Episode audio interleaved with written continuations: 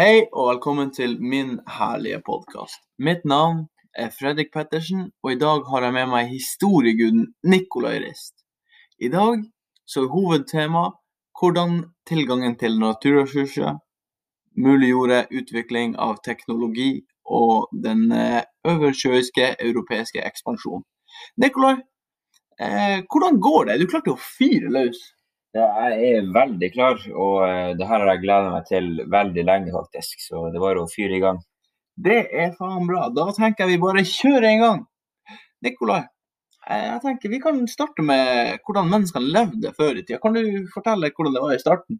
Ja, de første menneskene de var jo jegere, da.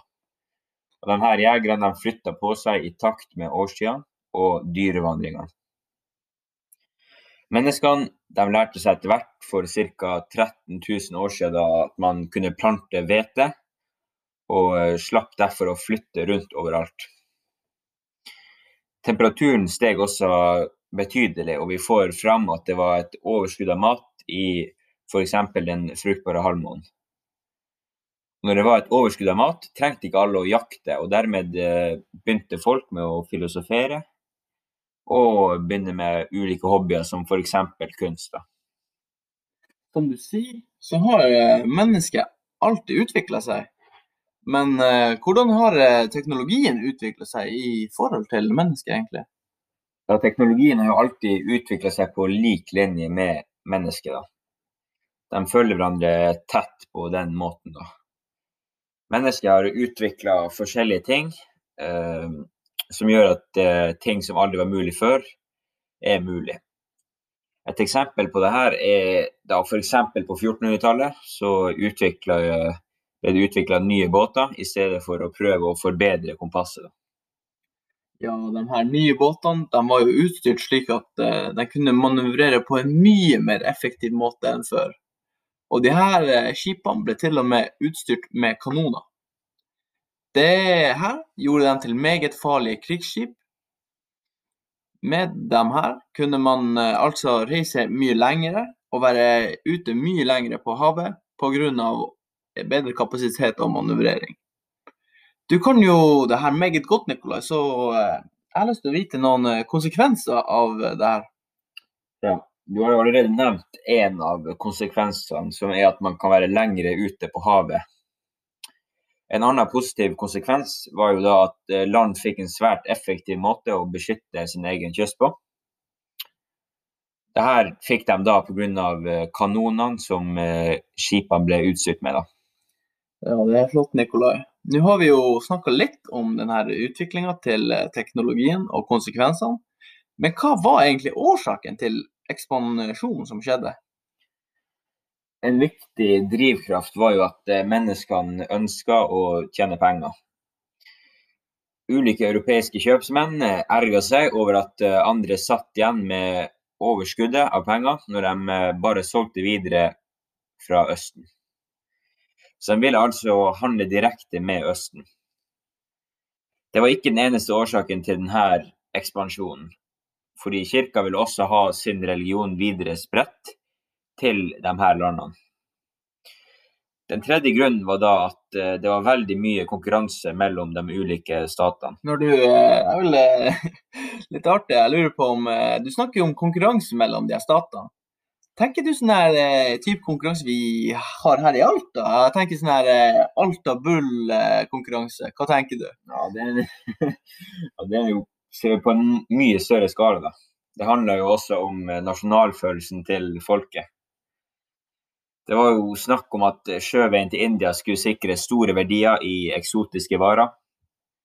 Så til slutt så må jeg jo nesten nevne at nysgjerrighet var en viktig motivasjon her. En eh, verdenskjent mann som heter Christoffer Columbus, han eh, var kanskje mest kjent eh, for å drive med denne ekspansjonen.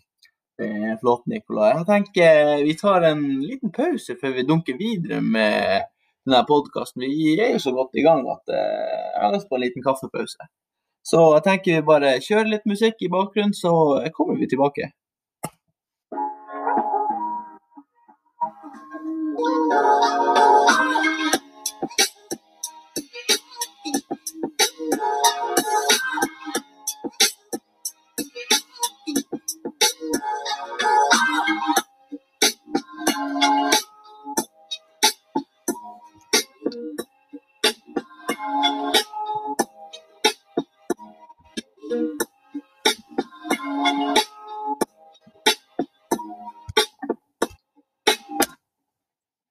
Da er vi tilbake i studio, og vi har kaffe, snacks og vanvittig god stemning her. Vi er da klare til å kjøre på videre. Og nå som vi allerede har snakket om noen av konsekvensene eh, for at teknologien ble bedre, men aller viktigst, viktigst var jo at folk begynte å emigrere. Emigreringa har jo gjort sånn at verden er sånn som den er blitt til. En viktig person eh, som vi nevnte litt tidligere, var jo eh, selveste Christoffer Columbus, som eh, var en viktig rolle for emigrering i verden. Nikolai, kan du forklare hvem der er og hvorfor han er så viktig? Christoffer Columbus han var jo veldig viktig for denne emigreringa. Dette var jo fordi han viste veien til Amerika for europeerne. Columbus hadde jo lenge lett etter en sponsor som kunne finansiere hans reise til Amerika. Og han fant det til slutt. Eh, det var to spanske monarker som var villige til å finansiere reisene til Amerika. I 1492 gikk han i land i det han trodde var India. En liten fun fact er at han ga urbefolkningen indianerne fordi han trodde han var, han var India. Ja, eh, denne reisa jo, hadde jo veldig stor betydning i verdenshistorien. Oppdagelsen blir sett på som årsaken til kolonialiseringa av Amerika. Men eh, det kom ikke helt uten konsekvenser. Dette var et stort sprang som skulle gjøre Spania til en stormakt på tida. På kort tid ble de vestindiske øyene og fastlandet utforska, som var Amerika. Kongen og dronninga i Spania oppmuntra etter hvert sønnene av lavere klasser å søke lykken i det nykoloniserte Amerika. Urbefolkninga som bodde der, som hadde møtt dem med vennlighet og nysgjerrighet, ble etter hvert tvunget til arbeid. Mange av urbefolkningen døde i tillegg pga. alt slitet som kom med der, og sykdommene som europeerne tok med seg dit. Det her eh, var fordi de ikke var vant til visse bakteriene som ble medbrakt av eh, europeere. Jeg tenkte vi runder av eh, podkasten etter vi har snakka litt om portugiserne og hvordan de fant sjøveien til India. De var jo den første som fant veien dit. Nikolai, kan du fortelle litt om det her? Ja, det kan jeg. Allerede i 1487 så fant Bertolomeus eh, Dias Kapp, som var sørspissen i Afrika. Og denne, det åpna opp veien eh, for Vasco da Gama ti år senere. Her ble det etablert eh, handelsstasjoner av portugiserne. Og dette gjorde eh, Lisboa til en av de viktigste byene i Europa på den tida her. Portugals befolkning var veldig liten på denne tida, som gjorde det vanskelig for dem å sende store styrker langt av gårde. Og når portugiserne kom i konflikt med muslimske kjøpmenn og hinduistiske fyrster, dette var da for å sikre kontrollen over den dyrebare handelen. Pga. disse faktorene så, så, ble det vanskelig å reise til India, i tillegg til at reisen tok ni måneder å gjennomføre. Ja, da kommer vi også inn på at de tjente ikke noe særlig på de her lange reisene. Grunnen for det var at handelen var veldig sentralstyrt. Portugal sin flåte den ble sendt når de hadde råd til det, de var ikke så veldig rike på den tida. Fartøyene eh, hadde en ferdig handleliste over hvilket krydder som de skulle kjøpe når de eh, ankom i India. Inderne visste det her, og valgte derfor å prissette varene som portugiserne skulle kjøpe, mye høyere enn det de eh, egentlig var verdt. Flåtene eh, led også unødvendige tap av skip og mannskapet, fordi de seilte for sent på året, f.eks. Sjøveien fikk derfor aldri den suksessen som var forventa.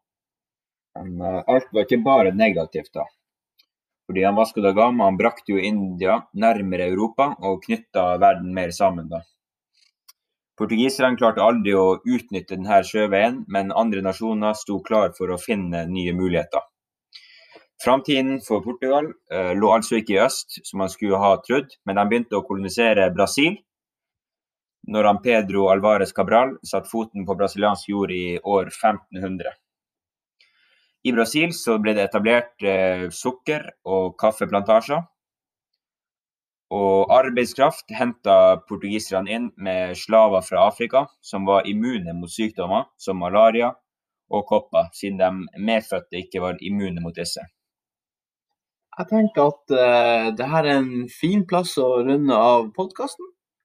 Uh, vi har hovedsakelig brukt uh, boka, powerpointen og SNL som forskjellige kilder.